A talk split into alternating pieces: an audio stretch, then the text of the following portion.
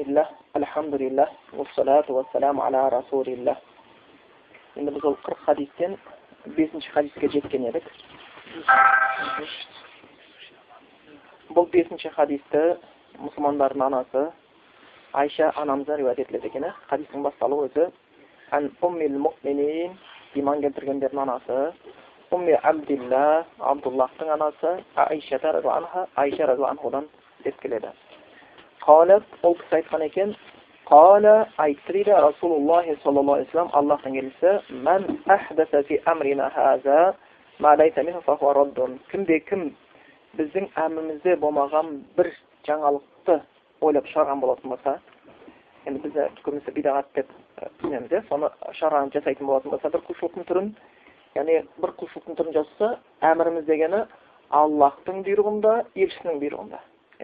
келмеген дәлелсіз бір құлшылықты жасайтын болатын болса не болады дейді? Мардут қайтарылады дейді. Бұл хадис енді ә, имам бұхариде де имам муслимде де жеткен екен. Ә, имам ә, муслимде жеткен риуаят бойынша бұл хадистің мәтіні былай келеді. Мән амила амалан кім бір амал жасаған болатын болса алейхи амруна ол істеп жатқан амалына біздің әміріміз болмаған болса яғни аллах тағаланың бұйрығы елшісінің бір жаңағы сүннеті болмаған болатын болса ол қайтарылады дейді ол қабыл емес деп келеді екен енді бұл екі хадистің мәтіні бір біріне ұқсас болғанымен түбінде бір өзінше ерекшелік бар біз оны сабақ барысында айтып кетеміз енді кішкене хадистің бас жағынан бастайық деп отырғанымыз енді айша анамызды баршаңыз білесіздер пайғамбарымыздың әйелдерінің ішінде сүйіктісі аталып кеткен кісі болатын. Бұл кісіге енді мына хадиша анамызға байланысты хабарда келеді. Жәбірейіл періште хадиша анамызға келген кезде не деп айтатын еді? Аллах тағала ол кісіге сәлем айтып жіберді деп келеді. Яғни хадиша анамызға сәлем айтып жіберді деп келеді. Ал айша анамызға келгенде жәбірейіл періште айтқан менен сәлем айт деп жіберген міне бұл екі кісілер яғни хадиша анамыз аллахтан сәлем алған кісі ал айша анамыз болса жәбірел періштеден сәлем алған кісі болып табылады екен хадиша анамыздан кейінгі пайғамбарымыздың үйленген кісі айша болады енді бір сауда деп келеді одан кейін айшаны алды деп келеді бұл кісі абу бәкір сыдықтың қызы болып табылады екен ал әкесінің дәрежесі баршамызға баян ол кісі туралы өте пайғамбарымыз алғаш иман келтіргендердің бірі сондықтан сыдық аталып кетті және жәннатқа кіретін он адамның бір ретінде ең біріншісі ретінде аталған кісі болып келетін. Енді бұл кісінің сипатталуы уммил мұминин мұсылмандардың анасы деп келеді. Неге? Өйткені пайғамбарымыздың әйелдерінің бәрі мұсылмандардың анасы деген атпен аталады. Мұсылмандардың анасы деген атпен аталады екен. Келеді деп. Яғни пайғамбарымыздың әйелдері аналарың деп келген аналар деп келеді екен. Және енді уму абдиллах деп келетін жер бар абдуллахтың анасы жалпы айша анамызда бала жоқ айша анамыздан дүниеге бала келмеген бірақ уму абдуллах деп аталған себебі зубейрдің ұлы абдуллахқа соны атап кеткен өйткені ол ол кісінің нағашысы болып келеді ал нағашы дегеніміз енді шариғаттың тілінде биманзилатун ананың орнында дейді сол үшін абдуллахтың анасы деп аталып кетіп отырған әйтпесе бұл кісіде бала жоқ бұл кісі дүниеге бала келмеген. Пайғамбарымыздан өзінен кейін былай ұл баланың қалмау себептерінің кейбір ә, түсіндірмесін ғалымдар түсіндіреді. Өйткені құранда келеді яғни жаңағы пайғамбар мұхаммед айтады мұхаммед саллаллаху ер кісілерден ешкімнің әкесі емес дейді. Пайғамбарымыздан балағатқа жетіп үйленіп ұрпақ қалдырған ұл бала жоқ. Ұл балалар болған. Ибраһим абдулла қасым деген бірақ олар бәрі бала күнінде қайтыс болып кеткен бұның бір себебі дейді пайғамбарлықтың осымен тоқтайтындығы дәлел болып жатыр дейді пайғамбарлық осымен тоқтайтындығы дәлел болып жатыр дейді бұл ә, жаңағы енді бұл айша анамыздың ішінде бала жоқ бірақ оны абдуллах деп аталған ұмы абдуллах абдулланың анасы деп аталған себебі ол кісі абдулланың нағашысы әпкесі нағашы әпкесі болып келеді. Сондықтан енді нағашы әпке ананың орнында сияқты құрметтеледі екен. Бізде де сонда бұдан және бір алатын хикметіміз шешелеріміздің әпкелері сіңілерін өзіміздің шешемізді сыйлағандай сыйлауымыздың керектігін және бір түсіндіреді. Жалпы қазақта бұл ұғым бар. Қазақта бұл ұғым бар иә? Соны нағашыңды сыйлағың не дейді? Ақ сүт үшін анаңның деп қояды. Нағашыңды сыйлағың ақ сүт үшін анаңның деп айтып кеткен жерлер бар екен. Нағашы жұртты сыйлау осыдан қалған екен. Енді ол кісі бұл айша анамыздан бір хадис жетіп отыр екен. Әйел кісілердің ішінде хадисте ең көп риуаят еткен айша анамыз ең көп риуаят етілген. Бұл кісі кәдімгі аби хурайра абдулла ибн амр ас сияқты сондай көп риуаят еткен қатарында тұратын кісілердің бірі болып табылады екен. Бұл кісі алты жасында абу бәкір сыдық пайғамбарымыздың некесіне берген қызын бірақ бұл әлі семья болып өмір сүрді деген нәрсе емес. Яғни тек қана рұқсатпен неке қиылды. Қазақта оны атастыру деп қояды атастыру. Ал енді егер кімде кім кішкентай кезінен ұлын қызын атастырған болатын болса айып емес. Бірақ қыз ертең бой жеткен кезде ұл жеткен кезде міндетті түрде оларға айтып хабарландырып олардан рұқсат сұрау керек. Атастырып қойды бұл үйленесің қағида жоқ. Біз сені атастырғанбыз. Сен қалайсың ба қызым осы кісіге шығады қалайын десе ана жалғаса береді. Қаламайын десе некеде зорлық жоқ түсіндіңіздер ғой? Атастыру бар бірақ ол зорлық емес екен. Ал ол кісілердің кәдімгі ерлі зайыптышылы өмір сүруі айша анамыздың тоғыз жасқа толғаннан кейін біздің заманымызда бұл бір таңғалушы нәрсе болып қалуы мүмкін бірақ ол заманда бұл таңғалатын зат емес түсіндіңіздер ғой соғатын болсақ жаңағы хадисте көп риуаят еткен абдулла ибн амр ибн ас алайық иә аби хурайра айтады ғой менен хадисті көп білетін ешкім жоқ тек қана абдулла ибн амр ибн астан басқа дейді өйткені ол жазып жүрген дейді жазғанның пайдасы жазып жүрген дейді сол абдулла ибн амр ибн ас яғни оның әкесі әмір ибн ас он бір жасында үйленген.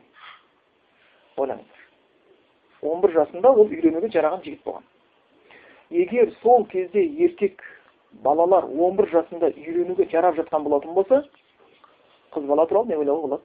Білсеңдер болады ал абдулла болатын болса он үш жасында дүниеге туып келген. Әкесі он үш жаста болған әкесі он үш жаста баласы бар бізде әлі бала болып жүреді ғой он үш жаста әлі бала болып жүреді ал қазақта мақал бар он үште отау иесі деген қазір біреу түсінбеуі мүмкін бұл қалай деп бірақ ол кез бойынша ол оңай түсінетін нәрсе иә енді қазір үлкен қариялы кісілердің көне көздері азайып қалды ғой көне көздер кішкене дінді білетін кішкене осы әдепті білетін иманға жақын қария кісілер азайып қалды. Бірақ сол кісілердің шейх жағасын көргенбіз. Олардан бұл әңгімелерді еститінбіз. Олардан бұл әңгімелерді еститінбіз. Жалпы кейбір ғалымдар айтады ер кісіге ерте үйленгеннің пайдасы бар дейді. Жауапкершілік сезінеді дейді. Жауапкершілік сезінген мезеттен бастап оның былай санасы еркектік қабілеті тез өсе бастайды дейді жауапкершілік сезінгеннен бастап. Жалпы кез келген өздеріңіз байқасаңыздар қолда бар алтынның қадірі жоқ дейді ғой. Сен жағдайың жақсы кезде онша көп нәрсеге мән бере қоймайсың. Қиындық келе бастаған кезде бостандықтың да тоқшылықтың да бәрін жағдайын білесің да. Бар кезде ей деп қойыңыз деп қояды қолын сілтеп қоясың. Ал жауапкершілік келген кезде ол адамды ертерек есейтеді жауапкершілік. Ал еркек адамға келетін жауапкершіліктің біреусі ол өзінің еркектік міндетін орындауы. Адал жолмен енді бұл айша анамыз пайғамбарымыздың сондай сүйікті әйелдерінің бірі еді. Ол кісі туралы көптеген енді хадистер бар. Сол хадистің біреусі осы. Бұл енді сахи хадистердің қатарына жетеді. Бұхари мен имам бұхари мен имам муслим риуаят еткен екен. Тіпті бұның алдындағы біз алғашқы сабақтарымызда сіздерге бастап кеткен кезде осы қырық хадиске байланысты айтып кеткен имам ахмадтардың имам шафиилардың басқа имамдардың сөзін айтып кеткенбіз иә имам ахмадтың айтып кеткен бір сөзі бар еді. Бүкіл дін үш хадистің үстінде. Деп айтқан еді иә сол бірінші хадис не деп айтқан еді бүкіл амалдар ниетпен жасалады деген хадис болатын екінші хадис осы хадис болатын айша анамыздан жеткен осы хадис болатын кімде кім біздің әмірімізде болмаған бір құлшылықтың түрін ойлап тауып жасай бастайтын болатын болса қабыл етілмейді бекерге пайдасы жоқ деген сияқты келеді үшіншісі нұман ибн баширдан жететін хадис әл халалу бәйинун уәл хараму бәйинун деген сияқты халал нәрсе анық харам нәрсе дейді осы хадис үстінде тұрады имам науави бұл хадистердің маңызды болғаны үшін бұл қырық хадисті жазу тарихын айтқанбыз ең керекті деген хадистерді теріп алып шыққан түсіндіңіздер хадистен төрт жүз деген сияқты сұрыпталып шыққан хадистер олар сұрыпталып шыққан хадистер яғни бұған мән берілген хадистер сол осы бір хадистің бірі екен. Одан кейін айша анамыз бұл хадис риwаятында өте шебер болған соншалықты. Сол кезде қарасақ біреу бір хадис айтқан болатын болса егер сол хадистің растығын анықтау керек болатын болса кейбір кісілер айша анамыздан барып сұрайтын еді. Келеді. Аби хурайра бір күні хадис айтады кімде кім жаназа оқыған болатын болса яғни өмірден қайтқан мұсылман кісіге жаназа намазын оқыған болатын болса оған бір қырат сауап дейді ал кім жаназаны апарып көміскенге дейін болатын болса оған екі қырағат сауап дейді қырат енді таудың мөлшері ғой бір тау сауап екі тау сауап деген хадис айтады бұл хадис абдулла ибн омарға жетеді омардың баласына бұл хадис жеткен кезде бұл таң қалады қарасаң қандай үлкен сауаптар жалпы жаназаға бару парыз кифая бір адам барса бәрі мойнынан түседі барып қатысса үлкен сауап бірақ мәселе оның парыз кифая парыз айын болып тұрғанда емес мәселе сауабының үлкендігінде болып тұр да таудай сауапты кім саған береді абдулла ибн омарға осы хат жеткен кезде бұл осы хадис қаншалықты рас екенін білу үшін айша анамызға білуге адам жібереді және келеді ол хабар жеткенше дейді уайымдап отырды дейді да қолында тас бар еді дейді да тасты былай енді адам бір мазасы кеткен кезде болады ғой қимылдатып отырады бұл кісі айша анамыздан барып сұрайды аби хурайра осындай хадис айтқан екен. Кім жаназа оқыған болатын мұсылман оған бір қырағат сауап. Кім оны барып көмуге қатысқан болатын болса екі қырағат сауап дейді. Осы хадистің қаншалықты растығын білейік дейді. Аби хурайра аби хурайра айтты ма иә дейді аби хурайра бұл хадис кезде пайғамбардан естідім деп айтты ма? Иә естімесе онда дұрыс дейді да аби хурайраның несі? Сенімділігінде ғой енді. Көп жүргендігіне сол кезде бұл хабарды алып жеткізгенде абдулла ибн омарға абдулла омар өкінгені соншалықты қолындағы тасты алып жерге бір ақ ұрды дейді да қанша сауаптар кетіп қалған деп айтты яғни ол кезде сауапқа ұмтылатындықтар. Және бұдан біз айтып жатқанымыз айша анамыздың былай айтқанда қандай даналығы. Яғни кей кезде әйел заттарының ішінен осындай ұлы заттар да шығып қалады екен. Қараңыз қандай діннің тірегі болған хадистерді кімдер бізге риуаят беріп отыр? Тақуалығымен даналығымен және де мысалы алып қарайтын болатын болсақ ана бір хадис келеді ғой. Ә, пайғамбар мұхаммед мұстафа саллаллаху алейhi бәдір соғысы болды. Бәдір соғысында мушриктердің көсемдері өлді оларға қалиб деген құдыққа апарып тастай салды деген сияқты. Кейін пайғамбар саллаллаху қасында сахабалармен бірге омар болды барды құдырға деген сияқты жаңағы сендер іздегендерін таптыңдар ма деп құдықталарға айқайлады дейді. Сонда омар таңқалып сұрайды олар ести ма? деп айтты. Дейді өлгендер ести ма? деген сұрақ бұл таңқалды өйткені осы жерде бір нәзік тұс бар. Бұл не деген сөз? Сахабалардың ұғымында өлгендер естімейді деп олар ихтифат қылатын. Сенеді сол үшін пайғамбарымыз құдықтап жатқан мушриктің денелерімен тіл қатқан кезінде пайғамбарымыз сұрақ қойды. А бұлар ести ма? деген неге сөйлеп отырсыз бұларға деген сияқты. Ал іздегендерін таптыңдар ма? деген кезде. Сонда пайғамбар не деп жауап берді? Өлгендер естиді деп жауап берген жоқ негізі. Кейбіреулер бұны осыны хадисті қолданып өлгендер естіген. Пайғамбар не жауап берді? Әл ана хум деп жауап берген. Қазір естіп жатыр яғни кез келген уақытта әл ан деген ол мезет түсіндіңіздер ғой қазір естіп тұр данный момент естіп тұр постоянство емес не үшін оларға ұқуба және дәлел болып жету үшін арттарына және осы пайғамбар олар қанша қорлады қанша қиындық жасады енді білсін пайғамбардың сөзі арттарынан барып жетіп алсын ал таптыңдар ма неге жеттіңдер деген сияқты сөз жетіп бара сол күйінде жетілген ал енді осы хадис айша анамызға жеткен кезде айша анамыз не істегенін білесіздер ма айша анамыз қабылдамай және дәлел ретінде ол кісі яғни бұл қарағанымыз сонда айша анамыз хадистерге не беріп отырған? Талдау беріп отырған. Бірақ екі хадис те сахих. Ғалымдар бұны түсіндіреді. Өйткені жалпы бір нәрсені біз есімізден шығармайық.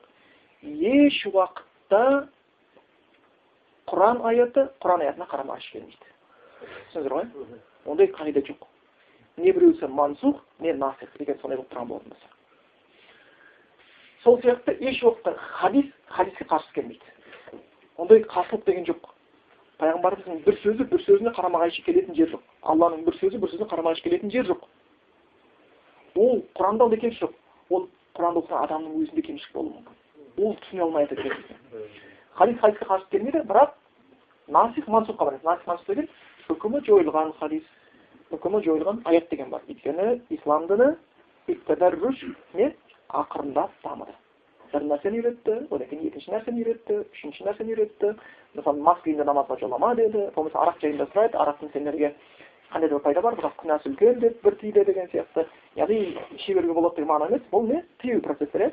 Мас күйінде жолама деді ең соңында араққа мүлдем жолама деді сөйтіп арақ дейді бұны жаңағы арақты харам етудің процесі мына аяттар алғашқы аяттар бұлар уже мансұқ болып кетті соңғы аяттармен түсіндіңіздер ғой сол сияқты хадисте де бар кейбір хадистер бірақ егер де адамға жеткен хадис қандай да бір мағынада бір біріне мағынасы қарама қайшы сияқты болып көрініп тұратын болатын болса оның өзінің хадис ілімінде тәсілдері бар бір тәсілі екі хадисті біріктіру сөйтіп ортақ мағына шығару.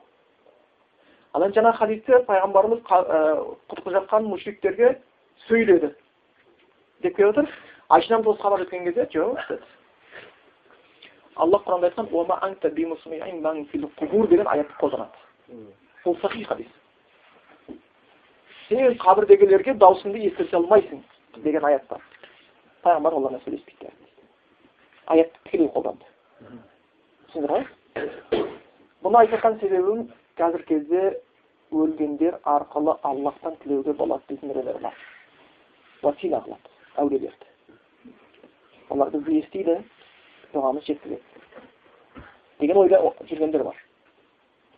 Оларға жаңағы аятты дәлел келтірсең аллах тағала пайғамбар айтқан қабірдегілер естірте алмайды десең ол аят кәпірлерге айтылып дейді кәпірлерді өлік деп атап дейді иә тәпсірді қарасаңыздар солай келген аллах тағала кәпірлерді өлікке теңеген бұлар өлік деп аталған бірақ енді қараңыз аллах кәпірлерді кімге салыстырды өлікке неге салыстырды естімейтіндіктері үшін ол деген сөз өлікті естімейді деген сөз түсіндіңіз ғой мысалы алатын болсақ түсінікті болу үшін айтайын болат атасы сияқты батыр десем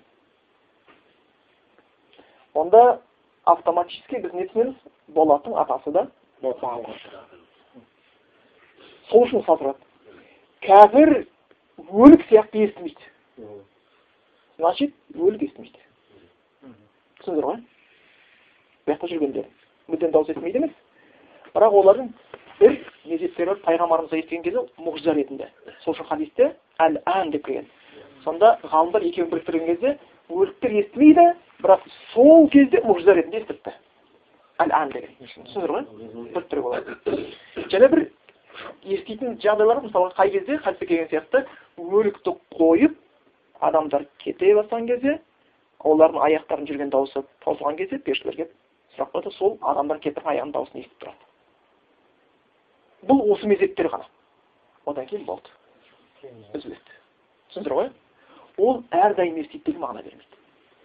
Өйткені басқа хадис келеді ол сұрақтан кейін ол егер нашар адам болатын болса оған періштелер азап берген кезде ол сондай шыңғырады қабірдегілер.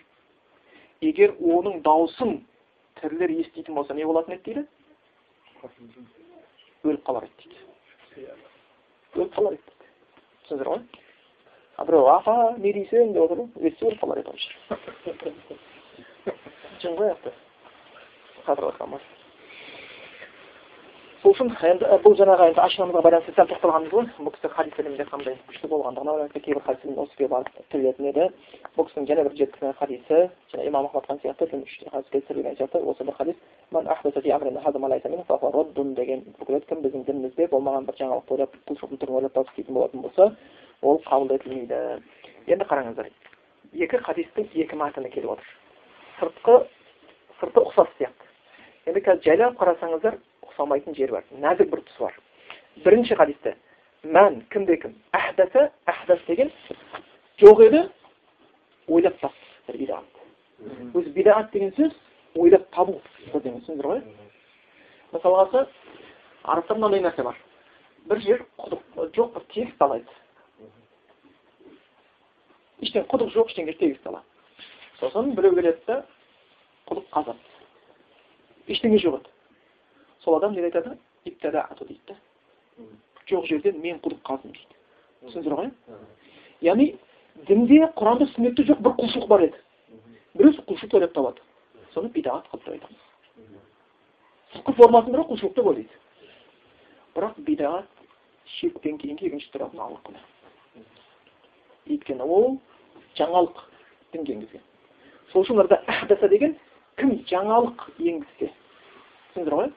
Кім жаңалық енгізсе ол жаңалығына құран мен сүннетте дәлел болмаған болатын болса ромдон қайтарылады. Пайдасы жоқ. Бекер шайтанның ширктен кейінгі ең жақсы көретін күнәсі осы бидағат жасату өйткені бидағат қалған күнәлардан кейбір үлкен күнәлардан да ауыр есептелінеді арақ ішуден зинақорлық қылудан ұрлық жасаудан ауыр бидағат неге? Өйткені арақ ішетін адам ар жағында оны күнә деп мойындайды. Бірақ тыйыла алмайды иә? Дұрыс болмады. Әйелімен ұрысып қалып жатыр бекер ақша кетіп қоямын қоямын дейді да ішеді. Тіпті мақал тарап кеткен сияқты қазақтарда орыс арақты жаңағы неге орыс арақты жақсы көреді арақ қазақ жақсы көреді деген сияқты. Қазақ ішпеймін ішпеймін деп ішеді дейді да орыс ішемін ішемін деп ішеді дейді қарасақ ол біліп отыр. Сондықтан ол ішкі дүниесі қарсы бірақ нәпсісін тыя алмайды іше береді ішкі дүниесі қарсы болған үшін бір күні оған бір ақыл айтатын құдайды есіне салатын адам болатын болса оның тастауға возможності бар. Өйткені ол адам ол күнәні жек көреді істесе де. Түсіндіңіздер ғой сол сияқты адам зина жасап жүр. Ислам дінінен алыс еді. Ол ішкі дүниесінде біліп жүр мойындайды тіпті мұсылман еместер мойындайды ғой зинаның күнә екенін дұрыс па ана фата морганаға жазып қойыпты ғой сауна ашқан кезде смойте с вашей грехи в нашем лучшей бане деп жазып қойыпты өздері мойындап тұр да енді былай айтқан кезде ол ар жағында ол күнәні істейді бірақ ішінде фата морган ночной клуб қой не деп ойлап жүрмін іштерінде мойындайды яғни оған біреу келетін болса саған елу процент помощь бар ол күнәні тастатуға. Өйткені оның жаны оны қабылдамайды. Ал бидағаттың нашары ол оны күнә деп істемейді оны құлшылық деп істейді ол оны күнә деп мойындамайды. Ол сол үшін сенімен айқасуға дайын болады. Бидағат пайда болған жерде ширкке жол ашылады бидағат пайда болған жерде сүннеттер өле бастайды. Өйткені бұл антоним бір біріне. Бидағат тірлік деген сөз сол жерде бір сүннет өлді деп есептеңдер дейді да. Бір жерде бір сүннет тіріліп жатса бір бидағат өлді деп есептей беріңдер дейді ол сондай бір бірін антоним нәрселер. Яғни бидағат болатын болса ширкке жол ашылып кетеді. Бидағат болған жерде сүннет өле бастайды. Бидағат болған жерде фитна көбейеді. Бидағат болған жерде бауырмалдық азаяды бидағат болған жерде шайтан күшейеді. Бидағат болған жерде ілімге деген қызығушылық азаяды. Сол үшін бидағатпен қайсы қауым көбірек айналысса олар соғұрлым білімнен алыс болады. Қарасаңыздаршы ислам дінінде қайсы бір жамағат бидағатпен көбірек айналысты оларда ілім соғұрлым аз. Собоқтың кегі ағымдарын қараңыз иә ілім аз. Өйткені олар бидағаттарға көп көңіл бұрылған. Сол үшін оларды сүннеттер өлген сол үшін оларда сүннеттер бөлген. Енді басқа күнәні істеген адам ол күнә деп істейді. Бидағат істеген адам ол құлшылық деп істейді. Сол үшін ар жағында ол оны тастайын деген ой жоқ. Кейін ол бидағат уақыт келе келе адамдардың ақидасында діннің бір бөлшегі деп алынады да ертең соны істеме деген адамды сен аллахтың дініне қарсы шығып жүрсің сен оңбағансың деп оның өзіне тиісе бастайды. Біз оның куәгерлері бола аламыз иә? Дұрыс па? Қазір жетісін берме қырқын жасама деп айтып көріңіздерші. Айтып көрген шығарсыздар. Дұрыс па? Қазір сондай ұғымдар жеткен. Біреу намаз оқымай жүр мәссаған балағатқа толғана қай заман болды десең енді мұсылманшылық әсте әсте мақұл мақұл деп жатады да. Біреу әкесін жоқ сөйлепсе ол кәпір дейді да оны күнә көрушіміз дұрыс па өйткені бидағат олар үшін құлшылыққа айналған бір ағамыз айтқан сияқты ағам қайтыс болды мұсылман кісілер алып келдім дейді енді біз намазхан болып жүргеннен кейін мен рәсімдерді өткізуге тырыстым дейді біз намаз оқитын азын аулақ адамбыз дейді жаназасын шығарып жатырмыз жуындырып жатырмыз қабірге қойып жатырмыз бірақ намаз оқымайтын адамдардың бәрі бізді аңдып тұр дейді да. Каждый движениеміз сөйтіп кетіп бара кезде айт дейді да сендер оңбағанда қырық қадам оқыған жоқсыңдар дейді. Білетін шығарсыздар иә? қырық қадамда қалып құран төрт төрт дей ма қырық қадам оқымадыңдар айтты дейді кейбіреулер қырық қадам аттап тоқтап оқиды. Иә сол сол қырық қадам тоқтап кетіп барып қырық қадам оқымадыңдар. Деп дейді да бірақ не өздерінде намаз жоқ не ораза жоқ дым жоқ та. Дым жоқ. Енді қарасақ бұл неге? Бірақ олар үшін осы бидағат қатты сіңді енді қазір қарайық. Біреу өзі еш уақытта құран оқып та жүрген жоқ не арабшасын не қазақшасын не орысшасын алладан кітап келіпті алла маған не деп жатыр деп бір оқыған жоқ. Пайғамбардан хадис бар екен пайғамбар не деп жатыр ол хадисті оқыған жоқ. Құранда келген алты мың аяттың алтауын оқыған жоқ. Пайғамбарымыз жеткен миллион хадистің біреуін оқыған жоқ. Өйстіп тұрады да үйіне молда шақырады. Үйіне молда шақырғаннан кейін молда атасына құран оқымай кеткен болатын болса ол молда бітті ғой па ол молданы апарып тастайды. Бәр жерге. Бұл нәрсені бәріміз көріп отырмыз. Мен өзім астана қаласына кетіп бара жатып таксиде бір кісімен дін жайында сөйлестік. Жасы үлкен кісі екен. Ол маған астана қаласындағы үлкен имамдардың үстінен арыз айта бастады да. Мен осыны бір өзім қолым тимейтін жұмыстағы адам едім. Анау астана қаласына барып едім. Сен осы дін адамысың ғой сендердің адамдар ғой сол дұрыс па мен қасымда екі үш әпкемді туысқанымды ертіп анау әкем бар еді. Соған бір өзі осы жұмыстан бір айлық алып енді бір құран оқытайын деп еске алайын деп қасиетті мешітке барып имамға оқытып едім құранды сосын бәрі барып оқып едік. Барсақ құранды оқыды да қолы бүйтіп бүйтіп тұрды да бетін сипай алмай бүйтіп қайыра салып тастады бұл не деген сұмдық? Әдеп деген қайда? Немқұрайдылық. Біз келіп тұрмыз ғой. Деп өйстіп айтып отыр ғой енді айналып келгенде имам маған жақын ғой енді намаз оқып жүргенде айттым аға намаз оқисыз ба жоға деп қояды құран оқи аласыз ба жоға деп қояды да әке кімдікі деп қоямын да сенікі ма молданікі ма деймін да кімнің әкесі өзі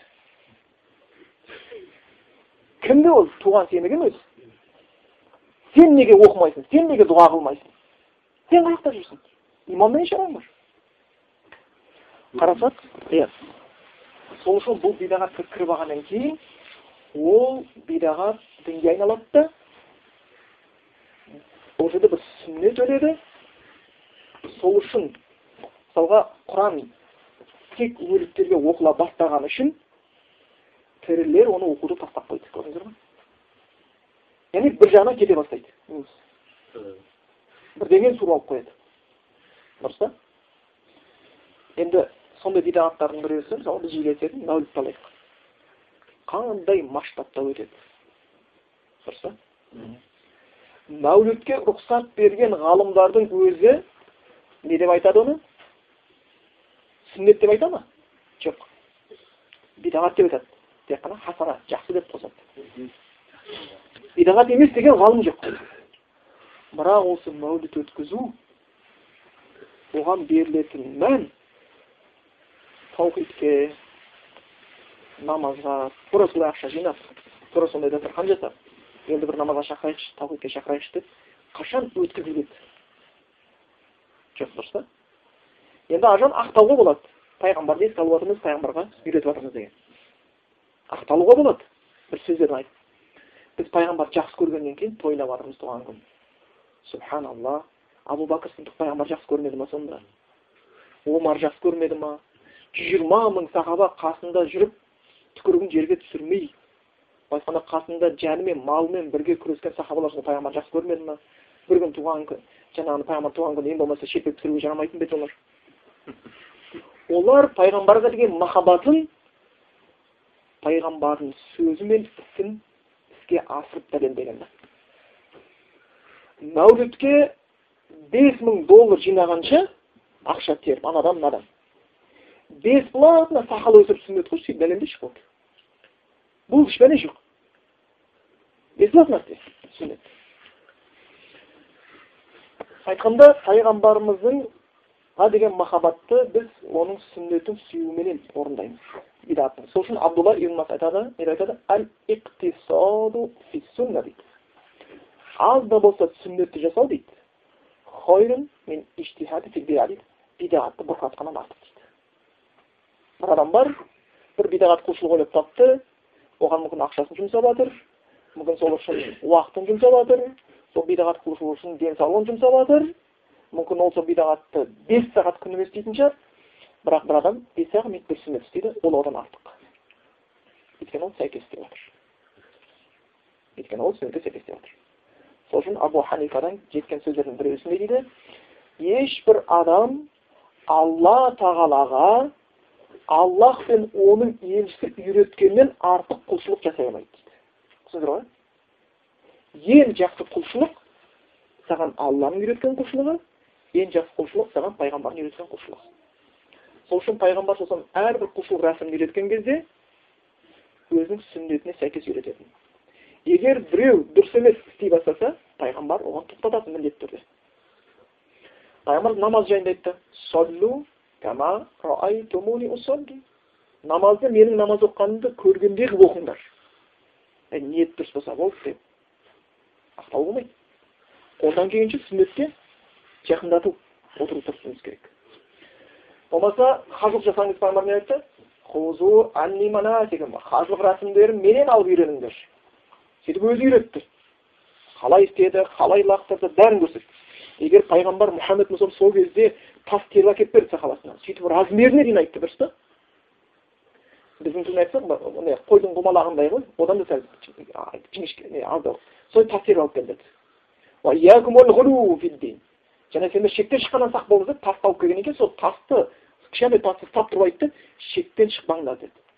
Егер пайғамбар мұхаммед сол тасты кішкентай қойдың құмалағындай тасты алдырып қолына ұстап тұрып шектен шығудан сақ болыңдар демегенде қазір тас лақтыратын жерге адамдар мынандай мына тасты алып баруы мүмкін да шайтан өлтіремін депші сөйтіп адам өлтіріп қоюы мүмкін.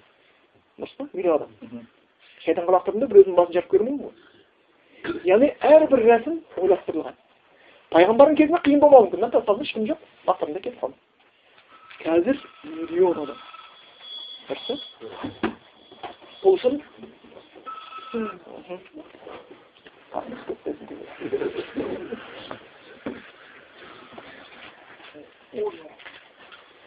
Пайғамбар мұхаммед мұстафа саллаллаху намаз қалай оқылатынын көрсетті.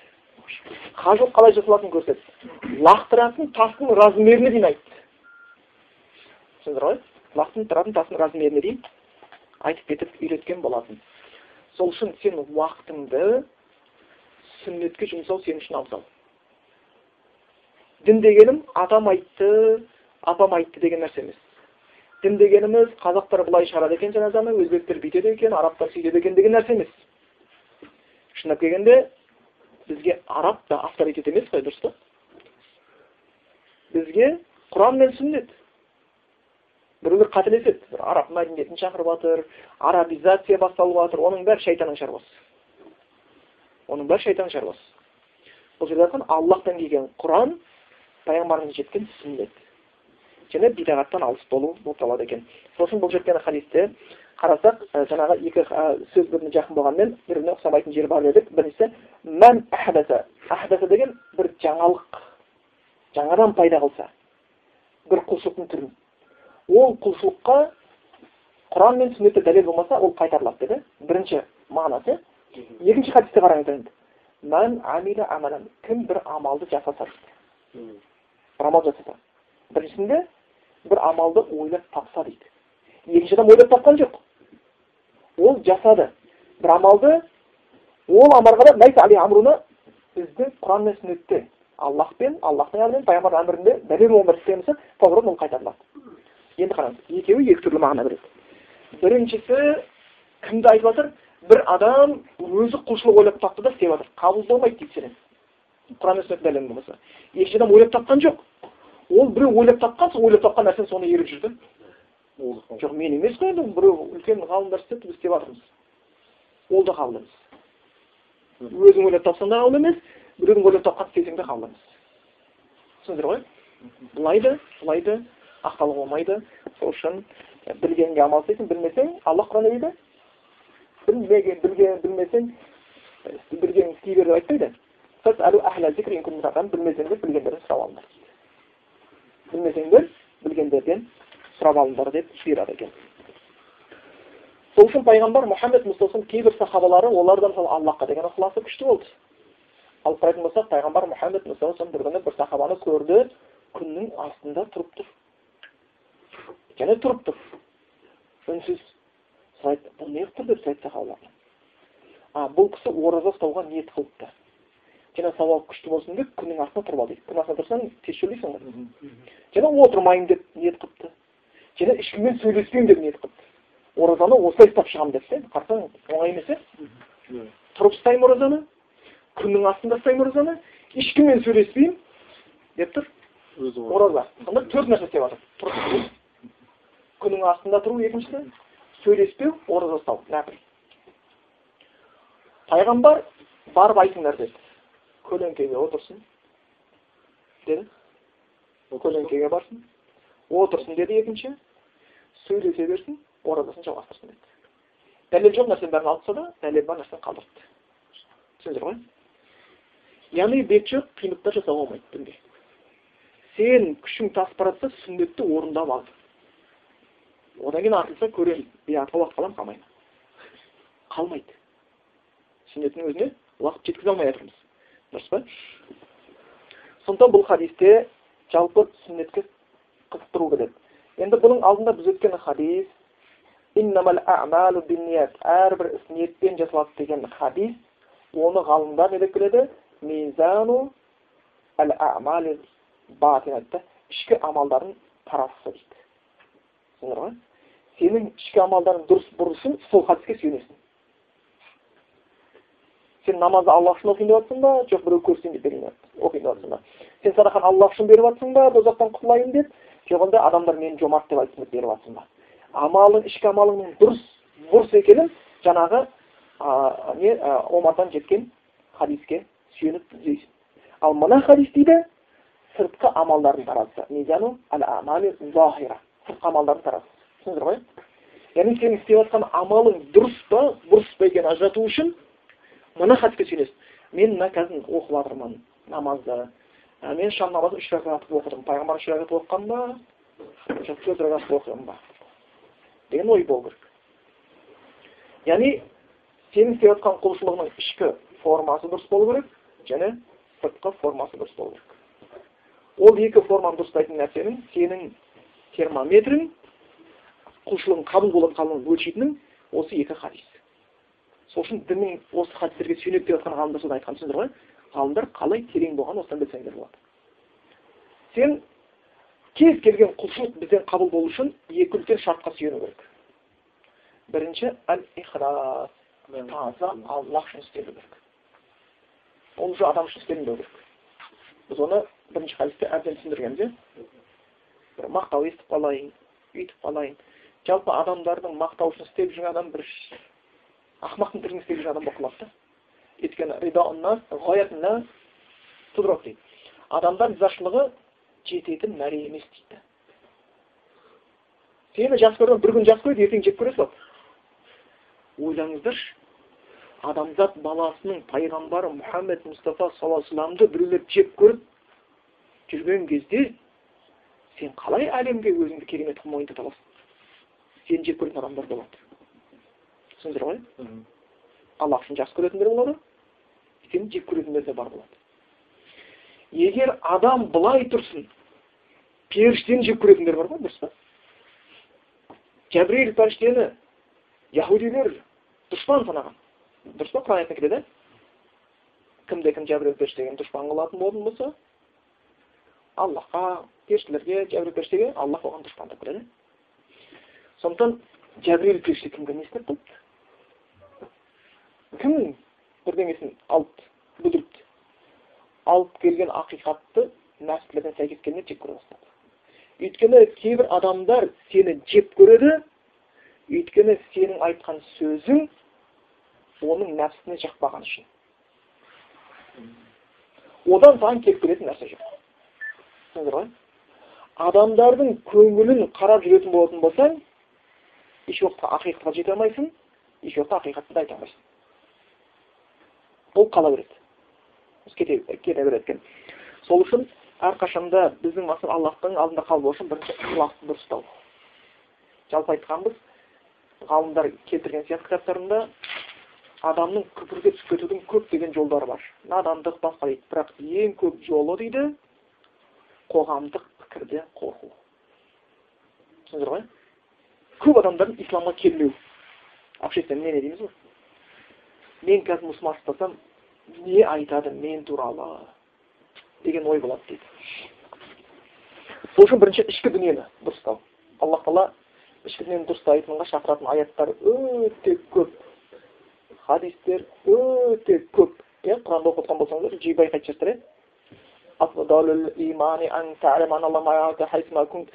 иә иманның ең абзалы қай жерде қайсы күйде болсаң да аллахтың өзіңмен бірге екенін есіңнен шығармау дейді. Ғалымдар айтқан аллахтан қорық дейді сені көріп тұрғандардың ішіндегі ең құрметке лайықты болмай қалғаны алла болып қалғаннан қорық дейді да түсініп ма бұл не деген яғни сен бір жаман лайықты тірлік істеп жатрсың шешең көрсе қоя салдың әкең көрсе қоя салдың көршің көрсе қоя салды ал құдай көріп тұр қоя алған жоқсың көріп тұрғандардың ішінде ең құрметтемеген құдай болып қалудан қорық дейді аллах хадис құдыста айтады ей адам дейді я адам сен адамдардан ұялып жатрсың адамдардан қорқып жатрсың менен ұялушы дейді менен қорқушы дейді бұны кәрім адам баласы ойлану керек ал аллахтың білмейтін көрмейтін нәрсесі жоқ ертең біз қияметте адамдардың алдында бермейміз есеп аллахтың алдында береміз сол үшін бір адамдар болады құлшылық жасайды. Ішкі бірінші құлшылық болу үшін ықылас айтты ең ұлы ғибадаттар жасаған дозақта ең бірінші дозаққа түсетін адамдар кім болады білесіздер ма ең ұлы ғибадат жасаған адамдар болады. Ғалым субханалла қандай нәрсе? Ең ұлы ғибадат аллах жолында шәһид болған жәнін берген жомарт. Ең ұлы ғибадат жасаған адамдар дозаққа түседі. Не үшін? Адамдардан іздеген үшін аллах айтады жоқ адамдар іздегенсің қиля айтылды саған ғалым деді қары деді жомарт деді сені батыр деді жәри деді саған ештеңе жоқ менің қасымда өйткені сен аллах үшін істеген жоқсың бұйырады сүйретіп тозаққа апарып лақтырылады біз қазір бұл хадисті оп айта саламыз бірақ бұл хадисті айтқан әби хурайра демін ала алмай қалатын бұл хадисті естіген сол кездегілер жылап көңілдеріне қалатын. Сол үшін бірінші құлшылық қабыл үшін ішкі таразысы ықылас аллах үшін істеу керек. Титтей нәрсе болса да. Екіншісі сол істеп жатқан амалың сүннетке сәйкес болу керек. Жалпы мұсылманшылыққа біз сіздерге айтқанбыз кірген кезде мұсылман қай сөзбен кіреді? Ла илаха иллаллах мұхаммад расулаллах деген сөзбен кіреді. Ла илаха иллаллах деген бір алғанда аллах құлшылыққа лайықты. Одан өзге құлшылыққа лайықты ешбір тәңір жоқ. Мұхаммад расулаллах мұхаммед аллахтың елшісі бірақ осы сөз айтқан кезде бірінші сен лә иляха иллаллах деген кезде бұл ықыласыңды күшейтетін сөз мұхаммад расулаллах деген сүннетке деген махаббатыңды күшейтетін сөз бірақ ақыр заманға қарай мұсылмандарда ғаріптік басылады ғаріптік деген бөтен бола бастайды чужой бола бастайды мұсылмандар бөтендік екі түрлі болады дейді бірінші мұсылман бөтен діндер мен дінсіздердің арасында бөтен болады. Сен намаз оқисың елдің бәрі намаздан алыс. Атеист болып кеткен болмаса маңайың бар буддист кришнаит христиан болып кеткен шығар. Сен жалғыз мұсылмансың болмаса аз ғана мұсылмансың. Осындай бөтендік. Екінші бөтендік мұсылман мұсылманның арасында бөтен болатын кездер болады дейді. Өйткені бидағат сондай тараған сен сүннет істесең сен бәлеге қаласың бұл екінші бөтендік дейді. Исламу ғарибан ислам бөтен болып басталған ғарибан бөтен болып қайтадан аяқталар кезде ғураба сол бөтендер жәннатқа кіреді дейді бөтендер жәннатқа кіреді деп келер екен сондықтан бұл хадистің бізге үйрететін нәрсесі сүннетке деген бекемдік болып табылады екен сол үшін сахабалар қатты көңіл бұрған абдулла ибн масудты қараңыз енді сахабалар ішінде өте білімді пайғамбар жақсы көрген мынаны айтып кеттік иә сіздерге масудтың бүкіл жаңағы өмірбаянынан сипаттарын айтып кеткен едік пайғамбарымыз оны қалай жақсы көрген құранды содан барып үйрен дегені өзі бойы шағын болса да білімі өте үлкен болған тіпті жәннатта оның қандай сауапқа ие болатынын айтып кеткен болатын сол абдулла ибн масудқа бір кісі келіп айтады табииндардан шәкірттердің біреусі мен бір жерге барсам мешіттің ішінде бір мұсылмандарды көрдім дейді да намазға жиналады екен қарап отырғанша зікір салайық дейді екен сөйткенде ішінде біреу лидер болады қасына тас жинамаған дейді да жүз тас сөйтті жамағатқа айтқан ей жамағат жүз мәрте аллахқа тәсбих айтайық дейді екен тасты алып субханаллах субханалла деп екінші бетке лақтырады екен да жүз рет тастадым дейсіз ғой енді жамағатпен субханалла субханалла сыртына қарасаң ритм хор хор керемет та сосын айтқан я ей адамдар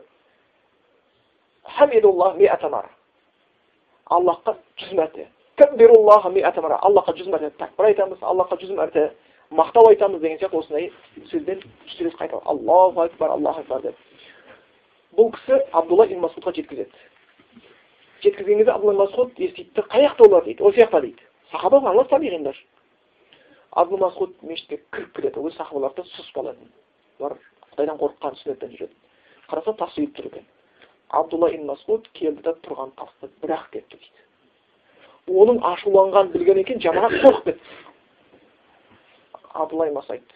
Ей не істеп жатсыңдар пайғамбарымыздың қолданған ыдыстары әлі сынып біткен жоқ.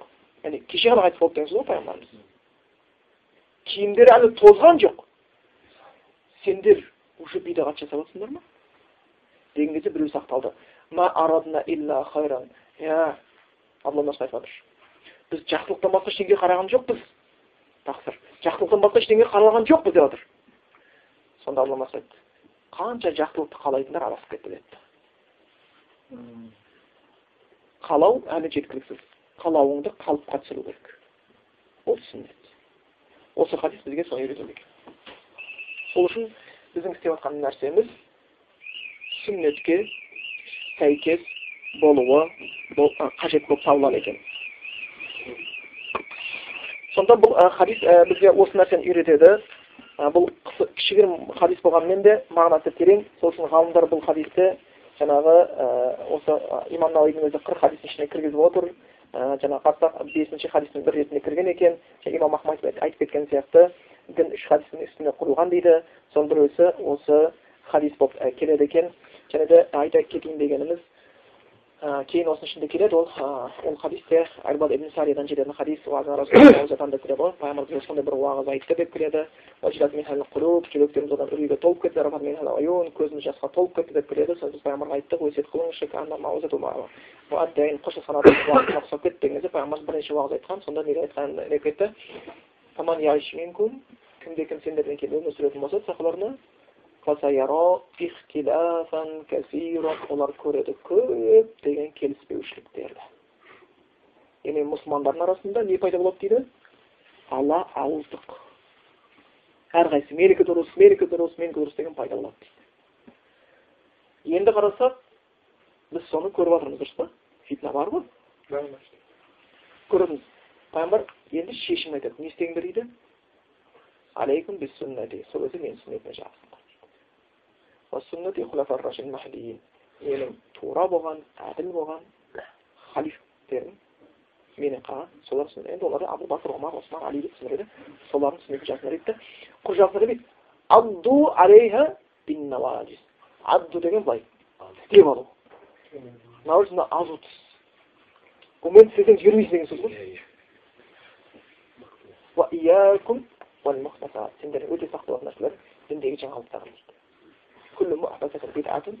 жаңалық бидат күллі бидатын далалатун әр бидат адасушылық суахиба филнар егесі тозаққа түседі дейді неге сонша қарасаң қарапайым еш бәле жоқ сияқты шайтан бидағатты неге жақсы көреді істеткенді өйткені егесі күнә деп ал жай арақ адам күнә істегенде аллах кешірші кешірші деп ол кешірілуі мүмкін ал бидағат істеген адам күнә істеген сауап істеп жатырмын ол кешірім сұрамайды кете береді түсіндіңіздер ғой шайтанға ұтылып қала береді ал адамға бір күнә кетсе астағфирулла дейді деп күнәсін жуып алып кете береді ал бидағат істеген адам астағфируллах деп айтпайды күнә жинала береді шайтан содан рахаттанады сол үшін кейбір ғалымдар бидағатты не деп атаған ұқты ширк ширктің қарындасы деп қояды ширктің қарындасы дейді енді бұл жерде біз сабағымызды қорытындай келе бір екі нелерді айтып кете қояйық бұл жалпы енді құранмен неге байланысты сүйенген нәрселеріміз бидағаттың барын білгеннен кейін енді сүннетті білгеннен кейін сүннетті үйрену деген бар сүннетті орнату деген нәрсе бар осы жерде және сақтық жасау керек түсіндіңіздер ғой иә альхамдулилля бауырлардың арасында сүннетке деген үйрену деген құлшылықты құлшынысты көрген кезде қуанамыз бірақ сүннетті орнату деген ол уже бөлек дүние түсіндіңдер ғой бұл жерде білім де жеткіліксіз бұл жерде тәжірибе керек жалпы мынандай әңгіме естіп қалуларыңыз мүмкін иә мешітте болып қалар болмаса бір жамағатта болып қалар бір бауырымыз бір сүннет амалын орындаған кезде оған біреу айтады ей фитна шығармай отырсайшы дейді дұрыс па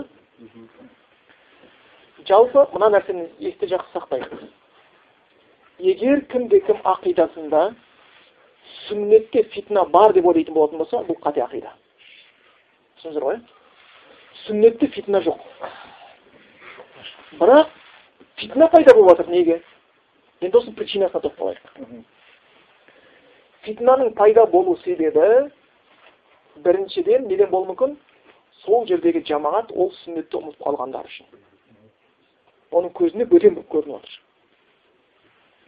мен бір ғалымдардың кітабын оқыған кезде қайран қалғанмын қалай дәл айтқан деймін да ғалымдар айтады ғой сондай адамдар дейді олар фитнаның келе жатқанын кезде біледі дейді да ал жай мұсылмандар кеткеннен кейін біледі дейді да ох фитна болыпты ғой деп айтады дейді ғалымдар наперед біледі сонда сол кезде ғалымдар ілгеректе фиқ мәселелерінде мынандай жиналыс өтіпті оларда намазда білесіздер иә дұғалар түрлі болып келеді амалдар түрлі болып келеді иә мысалға құнут дұғасын рухтан кейін жасайтын кез бар рукуға дейін жасайтын бар ханафи мазхабында дұрыс па кейбіреулер құнутты шафи мазхабы жасайды таң намазда жасап жібереді бізде тек қана өтірік жасайды біреу оған уәжіп біреуге сүннет деген сияқты біреу қолын намазда былай қойып ұстап жатыр кеудесіне біреу қолын намазда кіндік астына қойып ұстап жатыр деген сияқты осындай болмаса біреу бихамдика табарака деген дұғамен кіріп жатыр біреусі біреу аллама мен күнәм арасын алып деген басқа дұғамен кіріп жатыр дұғалардың арасында әртүрлілік бар кейбір қимылдардың арасында әртүрлілік бар осыған байланысты ғалымдар арасында жиналыс өткен екен ілгеріде сөйтті қалай қылған дұрыс негізі жамағатқа бір ғана түрін үйретіп басқасымен басын ауыртпай бір тектілікке бір тәртіпке түсірген жақсы ма? Жоқ әлде бәрін үйретіп отырған жақсы ма депті. Сонда ғалымдар келісе келіп былай деп айтты. Бәр түрін хабар беріп отыру керек. Мынандай бар мынандай да бар деп айтып отыру керек дейді егер бір ғана түрін үйретіп қалған түрін үйретпей жатырып қалатын болсаңыздар келешекке шешілмейтін проблема тастап кетеміз деген өйткені олар үйретілмеген сүннеттің дұшпандарын жасаймыз деген біз сол заманның жемісін көріп жатырмыз түсіндіңіздер ма яғни дінге келген нәрсені істеу қиын болып қалды. Сол үшін бірінші сүннетте фитна бар сүннет орындасаң фитна шығады деген ақида дұрыс емес. Өйткені сүннет кім үйретті оны? Пайғамбар. Сонда пайғамбар фитна үйрете ма жоқ. Хадисте келген аллах қандай болмасын пайғамбар қандай пайғамбар жібермесін оның міндеті адамдарға тек жақсылық үйрету сөзінде жақсылық ісінде жақсылық бұйрығында жақсылық. Түсіндіңдер ғой сүннетте фитна жоқ. Фитна енді неге шығады сүннет істелген кезде? Біріншіден сол сүннетті ұмытқандар шығарады. Бір. Болмаса сол сүннетті орынсыз орындағандар шығарады. Түсіндіңіздер ғой революционный порядкада орнатқысы келгендер шығарады эволюционный емес өйткені сүннеттің өзін орнату шәйән шәйән деп келеді ғой. Ақырындап сатылап. Түсіндіңіздер ғой? Үйде көтерілу үшін лестница болады. Екінші шығу үшін. Егер балконнан шығамын десең шаршайсың болмаса сен үйден үшінші этажда тұрасың сен үйіңнен бір диванды алып шыққың келді далаға. Досыңды аласың да лестницамен жайлап көтерілесің түсесің бірақ ей қойшы деп балконнан лақтыруға болады бірақ диван талқаны шығады. Түсіндіңіздер ғой? Сол сияқты сүннетті асықтырып жіберсең де орынсыз десем де фитна болып қалады яғни сүннетте фитна жоқ фитнаның шығу себептері сүннетті ұмытқандықтан. Болмаса бір бидағаттың белең алып кеткендігінен болмаса сүннетті жасайтын адамдардың асыққандығынан түсіндіңіздер ғой осы жерде әрқашанда осы нәрсені білу керек. Және әрқашан бауырларға айтатын нәрсеміз біздің кезімізде мына бір нәрсені естен шығарып кетпейік. Мұсылманшылыққа келіп жатқан адамдардың басым көпшілігі жастар. Ал жас деген сөз эмоция деген сөз. Қазу деген сөз. Түсіндіңіздер ғой? Олар тез әйтеуір бітіргісі келіп тұрады. Ана шейх хусейминге бір сұрақ келеді ғой. Айтады маған мына жастардың бір әрекеттері жетті дейді деген сөзге дейін барды дейді мы устоим сунну во что бы ни стало деген сияқты. Даже за это придется пролить кровь деп айтты дейді да это есть большая ошибка дейді үлкен қателік осы дейді дін олай құрылмаған дейді. Жәлбул масалих жақсылықты орнату. Егер орната алмасаң толық. Тәхсил болады жол ашып кету. Келесі адамдарға жеңіл болсын. Болмаса екіншісі мафасид жамандықты кетіру. Кетіре алмасаң тақлилға азайтып кету. Сол басқаларға зиян көп болмау үшін постепенно ғой сондықтан бұл ілім алу деген бөлек нәрсе ілім тарату деген бөлек нәрсе. Ілім деп жатқанымыз сіздерге қал алла алла айтты уақала расулы аллахтың елшісі айтты деген сөз енді оны орнату үшін уже тәжірибеге мұқтаж боламыз ғалымның өзі біреумен ақылдасуға мұқтаж болып қалады жоқ бітті ілім алдым ешкімнің ақылына мұқтаж емеспін десе ол да қайтадан сүннетке лайықты емес істеген болып қалады неге аллах тағала адамзат баласының абзалы пайғамбар мұхаммед мұстафа саллаллаху өзінде кейбір істерде не деп айтқан? Ақылдас деген сахабалармен пайғамбардың білімі жоғары бірақ ол ақылдас. Түсіндіңіздер ғой? Енді ә, сөзімізді қорытындылай келіп айтатынымыз біздегі кездесіп жатқан кейбір бидағаттың түрлері. Біле жүру үшін. Оны айтсаң өте көп. Бірақ өздеріңіз біздер білетін бидағаттың кейбір түрлері. Көбінесе моланың маңайында болады иә? Өлгенге құрбан шалу. Өлген аруағына жақындайды деген мақсатта. Түнеу тілеу қабірін тауаф ету шырақ жағу сұрау и осының бәрі исламның атынан істетіп жатыр. Палшылар орамал тағып алып менің ашқан палым емес жүз пайғамбардың ашқан палы менің жорған түсім емес жүз пайғамбардың жорған түсі деп пайғамбарлардың артынан таратып жатыр. Бұлар ауыр бидағаттар ауыр бидағаттар сол сияқты қабір басын көркемдеу қымбат қымбат ақшаны жұмсап он мың доллар елу мың доллар алпыс мың доллар жұмсалған қабірлер бар. Оларда бұның бәрі дұрыс емес. Ал бұның нәрсесінің бәрі бірінші немен басталады үйретумен басталады. Үйрету дегеніміз мына нәрсені білуіміз керек. Кез келген жерде бір бидағат бүлік тарайтын болатын болса оның себептері бар. Бір себебі көреміз. Екінші оның себебі бар иә себеп пен салдар. Себеп пен салдар бұның алдында сіздерге айтқанбыз мысалға бір адам қайықпен кетіп бара жатыр суда. Қайықтың ішіне су кіре бастады. Қайықтың ішіне су кіре бастады. Ішіндегі су ол